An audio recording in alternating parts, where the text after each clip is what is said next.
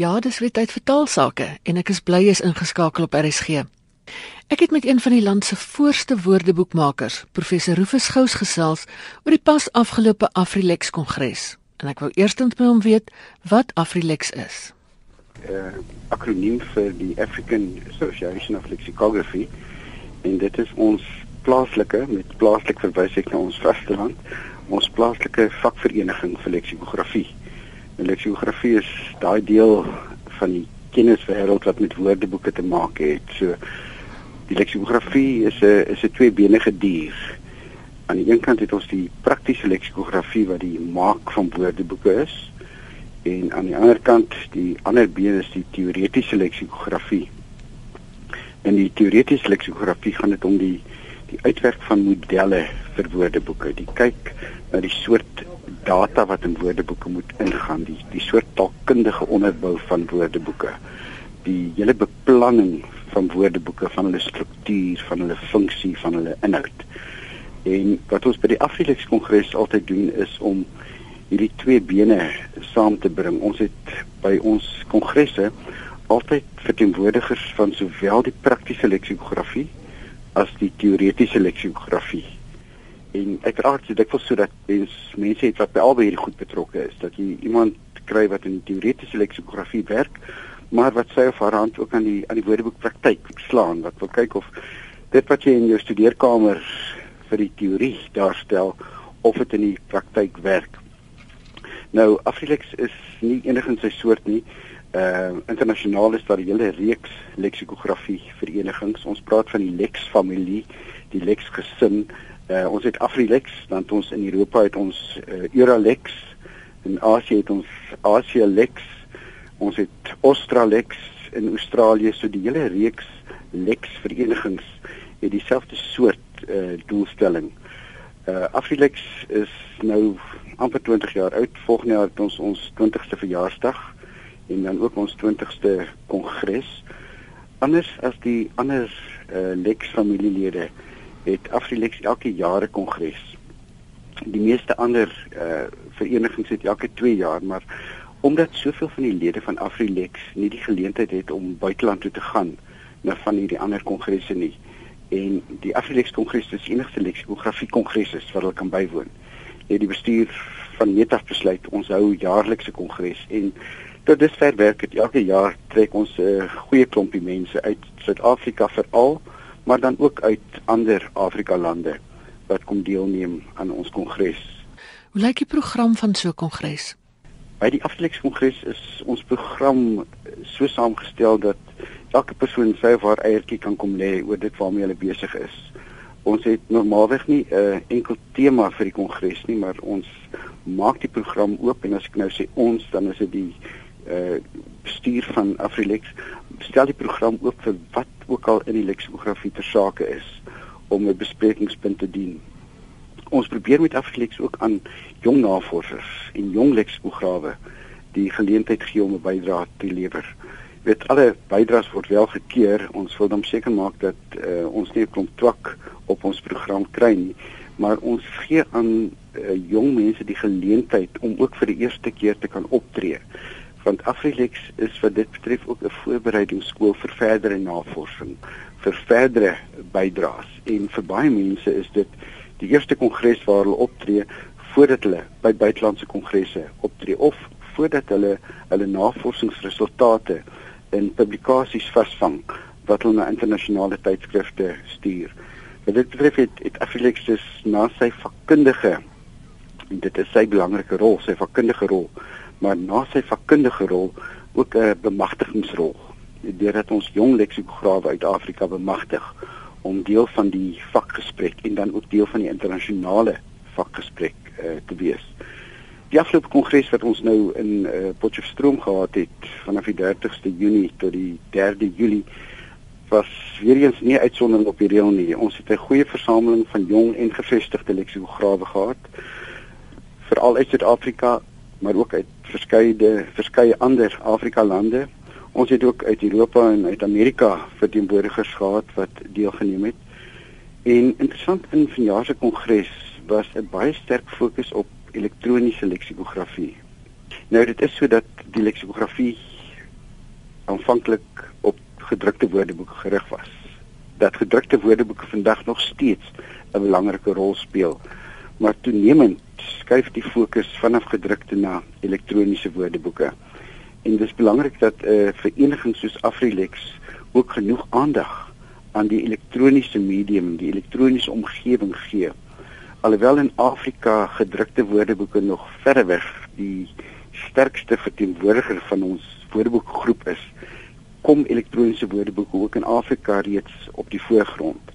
En in ons gesprekke oor woordeboeke moet ons dus aandag gee aan die voortgang en die verbetering van gedrukte woordeboeke maar terselfdertyd moet ons die elektroniese omgewing betree en moet ons reeds praat oor wat gedoen kan word. En dit was interessant by vanjaar se kongres is daar naas gespreek oor die struktuur van elektroniese woordeboeke oor wat in elektroniese woordeboeke kan kom. Is daar heelwat aandag gegee aan die die rol van die gebruiker. Watter soort behoeftes het gebruikers as dit by woordeboeke kom? Watter soort inligting wil gebruikers aan woordeboeke onttrek. Watter soort medium uh en watter soort instrument gebruik die gebruiker? Naas jou woordeboeke wat aanlyn beskikbaar is, woordeboeke wat op CD-ROM beskikbaar is, is daar ook gekyk na byvoorbeeld woordeboeke wat op Kindle beskikbaar is. Daar's gekyk na die die rol wat die selfoon in woordeboeke speel en watter soort materiaal kan alles in selfoonwoordeboeke byvoorbeeld aangebied word. Ons het ook heelwat aandag tipies van 'n kongres in Afrika gegee aan die rol wat woordeboeke speel in die oordra van kultuur. In Afrika het ons nie net 'n meertalige omgewing nie, maar ook 'n multikulturele omgewing. En woordeboeke speel 'n belangrike rol om na taalkundige inligting ook kulturele inligting oor te dra. Mense byvoorbeeld met tweetalige woordeboeke werk. Uh en die sprekers van die twee tale verskillende kulture het, is dit belangrik dat daar ook 'n brug tussen die kulture in hierdie woordeboeke geslaan moet word. En dis 'n tema wat herhaaldelik op ons pas afgelope kongres aan die orde was. Maar hoe doen 'n mens dit? Daar's verskeie maniere hoe dit gedoen kan word. Uh in die eerste plek is dit belangrik om aan jou woordeboekgebruiker te wys dat 'n bepaalde woord 'n kultuurgebonde woord is. As jy sê maar 'n woord soos lebola in 'n woordeboek opneem, dan moet hy gemerk word dis 'n woord wat 'n kultuurgebonde item is. En dit baat nie om sê maar in 'n uh, isiXhosa Engelse woordeboek net lebola met sê maar bride's price te vertaal nie want dit is die die bride's price maar dit gaan om veel meer. En so word word dan gemerk as 'n kultuurgebonde woord en meestal agter in die woordeboek. En as ons van 'n woordeboek praat, dan is dit nie net die alfabetiese deel wat woordeboek is nie. 'n Woordeboek het ook sogenaamde buitetekste, tekste wat na en voor die alfabetiese gedeelte kom. En een van die tipiese plekke om kultuurinligting oorgedra te kry is in hierdie buitetekste. Dat daar 'n afdeling is waar jy sien nou vat ek al hierdie kultuurgebonde woorde wat gemerk is in die alfabetiese lys en jy bied 'n kort bespreking daarvan. En sê maar, by geval soos Lebola, hy word gemerk in die alfabetiese lys as 'n kultuurgebonde woord. In een van die buitetekste word hy naas ander kultuurgebonde woorde gelys en word daar 'n kort bespreking gegee oor wat is die kultuurlading wat hierdie woord dra. En op hierdie manier word 'n woordeboek iets wat regtig waar tot tot die wyeer kommunikasie oordrag kan help. En, en dit is iets wat ook by hierdie afgelope kongres herhaaldelik genoem is uh, woordeboeke wat in Afrika saamgestel word en vir Afrika moet maar moet verslag doen van hierdie kultuurverskille wat tussen tale bestaan. Woordeboeke speel ook 'n belangrike rol in die standaardisering van taal. As ons kyk na die gewone woordeboekgebruikers se houding teenoor 'n woordeboek, dan dink mense woordeboeke is 10 mal heilige waarheid. Jy stry nie met dit wat in die woordeboek staan nie. En dit plaas nog hulle verantwoordelikheid op die skouers van die leksikograaf. Want deur dit wat jy in die woordeboek gee moet jy ook leiding gee ten opsigte van taal. En in baie van ons Afrika tale het ons nog nie 'n sterk skriftelike tradisie nie. En is die skriftelike tradisie 'n ontluikende tradisie en is die tale nog nie volledig gestandaardiseer nie En in hierdie verband speel woordeboeke 'n uiters uiters belangrike rol om met voorstelle te kom oor hoe die standaard skryfwyse deurgevoer moet word. En dit was interessant om vanuit verskeie sprekers van die Afrika tale se referate ook inligting te kry oor hoe daar vanuit die taalgemeenskappe van hierdie tale gekyk word na 'n woordeboek as 'n standaardiseringsinstrument vir die skriftelike taal, maar ook vir die keuse van items wat as aanvaarde woorde in die taal beskou word. Ons het egter by die kongres nie net na gewone geskrewe taal gekyk nie. Gebaretaal is deesdae al hoe belangriker as ons na die tale verskeidenheid in die wêreld kyk. En woordeboeke vir gebaretaal speel 'n belangrike rol. En daar's ook gekyk na hoe 'n gebaretaal woordeboek saamgestel kan word vir Afrikaans was dit in hierdie geval, maar die onderliggende teoretiese model is 'n model wat veel wyer as Afrikaans gaan. Want ons gaan al hoe meer gevalle kry waar gebaretaalsprekers en ander sprekers met mekaar wil kommunikeer en mekaar se taal wil verstaan. En dan moet jy 'n woordeboek hê waar jy vanaf jou gewone uh, gesproke taalvorm na 'n gebaar kan beweeg, maar ook vanaf die gebaar na jou gewone taalvorm kan beweeg. En hierdie goed word in gedrukte woordeboeke aangebied, maar in die elektroniese medium is dit veel veel makliker om dit te doen. En dit was 'n heel interessante gesprek wat ons gehad het oor die rol wat 'n gebaretaal woordeboek binne die elektroniese medium kan speel om kommunikasie tussen hierdie verskillende sprekersgroepe uh, moontlik te maak. Daar is ook jy wat aandag gegee aan skoolwoordeboeke, aan sogenaamde aanleerder woordeboeke. 'n Aanleerder woordeboek is 'n woordeboek wat saamgestel word vir die aanleerder van 'n vreemde taal waar daai aanleerder nie 'n skoolkind is nie, maar 'n volwasse uh, gebruiker. En en so 'n persoon het eie soortige behoeftes wat nie dieselfde is as die skoolkind se behoeftes nie. En, en so 'n woordeboek moet dus ook saamgestel word met 'n agneming van daardie spesifieke gebruiker se behoeftes. En dit kom ons weer by een van die kernaspekte van die leksikografie. Wanneer mense woordeboek saamstel, sê jy as leksikograaf nie, ag, ek het nog nie 'n woordeboek op my CV. Ehm um, ek het vanmiddag niks om te doen nie, dus skryf ek maar gou 'n woordeboekie en ek koop om die ding uitgegee te kry nie. Voordat jy woordeboek skryf, moet jy baie baie duidelikheid hê oor wie is die teikengebruiker van jou woordeboek? Wat is die behoeftes van daardie teikengebruiker? Maar ook wat is die naslaanvaardighede van die teikengebruiker? 'n Woordeboek wat vir grondslagfase leerders saamgestel word en 'n woordeboek wat vir volwasse moedertaalsprekers saamgestel word, het ander verwagtinge eh, waarna hulle moet beantwoord in terme van die die naslaanvaardighede van die gebruikers. En die leksikograaf moet ook weet wat is die mate van kompleksiteit in die struktuur van die woordeboek wat daar kan wees sodat die gebruiker nog altyd ten beste dit uit die woordeboek kan kry wat hy of sy nodig het.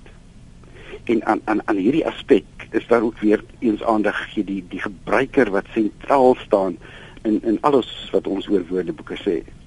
Dis die die Afrilex Kongres het 'n program gehad wat vol was, maar 'n program wat ons net nogmals onder die indruk gebring het dat daar nog baie is wat gedoen moet word om woordeboeke regtig waar hulle regmatige plek in 'n multikulturele en veeltaalige samelewing te laat inneem. Die ehm um, koste verbonde aan 'n woordeboek maak sekerlik dat elektroniese woordeboeke gewilder word. Ja, dit is so en nou hier moet mens ook onthou die koste aan 'n elektroniese woordeboek moet mens ook nie onderskat nie. Want daar's programmatuur wat aangeskaf moet word. Die woordeboek moet nog steeds geskryf word. Jy dis mense nodig wat die ding moet skryf. Maar die die groot voordeel kom by die uiteindelike produksie dat jy dus nie 'n woordeboek hoef te druk nie en dat hy gewoon aanlyn beskikbaar is. Uh dit bring ook eie soortige probleme vir uitgewers want uh die vraag is jy weet wat word met daardie aanlyn woordeboek gemaak? Hoe gaan mense toegang daartoe kry? Moet hulle betaal om dit te gebruik? Word hy gratis beskikbaar gestel? Uitgewers moet uh aan die lewe bly, hulle moet geld kry vir die werk wat uh, hulle doen. En daar's verskeie modelle wat ons daar het. In sommige gevalle kry jy dat 'n uh, uitgewer aanlyn woordeboek gewoon gratis beskikbaar stel en sê dit is daar. Of uitgewers stel dit gratis beskikbaar, maar as mens die woordeboek op die internet raadpleeg, word jy oorval deur advertensies wat op elke bladsy aangebied word. En dit is dis lastig hierdie advertensies, maar dit bring ten minste vir die uitgewer geld in sodat daardie woordeboek gratis beskikbaar gestel kan word. Maar dan het mens ook 'n sogenaamde inskrywingsopsie waar 'n mens 'n uh, intekenaar op so 'n elektroniese woordeboek word. Jy betaal 'n bepaalde bedrag per jaar en dan het jy 'n uh, kodewoord wat vir jou toegang tot die woordeboek gee. Wat uitgewers dikwels doen is om 'n nuwe woordeboek wat aanlyn beskikbaar gestel word, aanvanklik gratis daar te hê en aan 'n gebruiker te sê jy het byvoorbeeld 6 maande of jy het 30 soektogte wat jy gratis kan doen. En daarna asseblief, dan is dit uithaal en betaal as jy verder wil werk. Maar dit is dis 'n besluit wat aan uitgewerskant geneem word en nie aan die leksikograaf se kant nie. Maar goedkoper ja, in die sin daar is nie produksiekoste uh, vir die druk uh, wat jy by jou uh, ander woordeboeke het nie. Taal is 'n groeiende ding. So woordeboeke moet voortdurend bygewerk en opgegradeer word. Ja, 'n woordeboek is nooit regtig klaar nie. Uh die oomblik wat 'n woordeboek verskyn, het sy aanlyn, het sy as gedrukte woordeboek, werk die leksikograaf reeds weer aan aan 'n verbeterde weergawe. En want taal is voortdurend aan die verandering. Daardie verandering beteken nie net dat nuwe woorde bykom nie, maar ou woorde kry nuwe betekenisse. Sommige woorde verdwyn uit die woordeskat en en moet uit die woordeboek besgehaal word. Dit hang af van die soort woordeboek. Jy kry sogenaamde omvattende woordeboeke wat met die volle woordeskat probeer weergee. Maar dan kry jy jou kleiner woordeboeke, jou handwoordeboeke, jou skoolwoordeboeke wat die die standaard weergawe van die taal en nie die ou forme uh, daarstel nie. En so 'n woordeboek se hersiening moet voortdurend dis ook kyk wat moet uitgekap word. Wat is nie nou meer deel van die taal wat die gewone gebruiker in sy of haar oggend en aand praatjies nodig het nie. Maar dan is dit ook belangrik as ons na die aanlyn woordeboeke kyk, die een groot voordeel wat die leksikograaf daar het en ook die gebruiker is dat so woordeboek voortdurend aangepas kan word. Met 'n aanlyn woordeboek kan die leksikograaf te sê ek het nou pas 'n nuwe woord teëgekom. Hierdie woord is nog nie in my woordeboek nie. Ek sit hom nou aanlyn en hy is onmiddellik beskikbaar. Jy weet met die gedrukte woordeboek moet jy 4, 5 jaar wag tot die volgende uitgawe daar gestel word.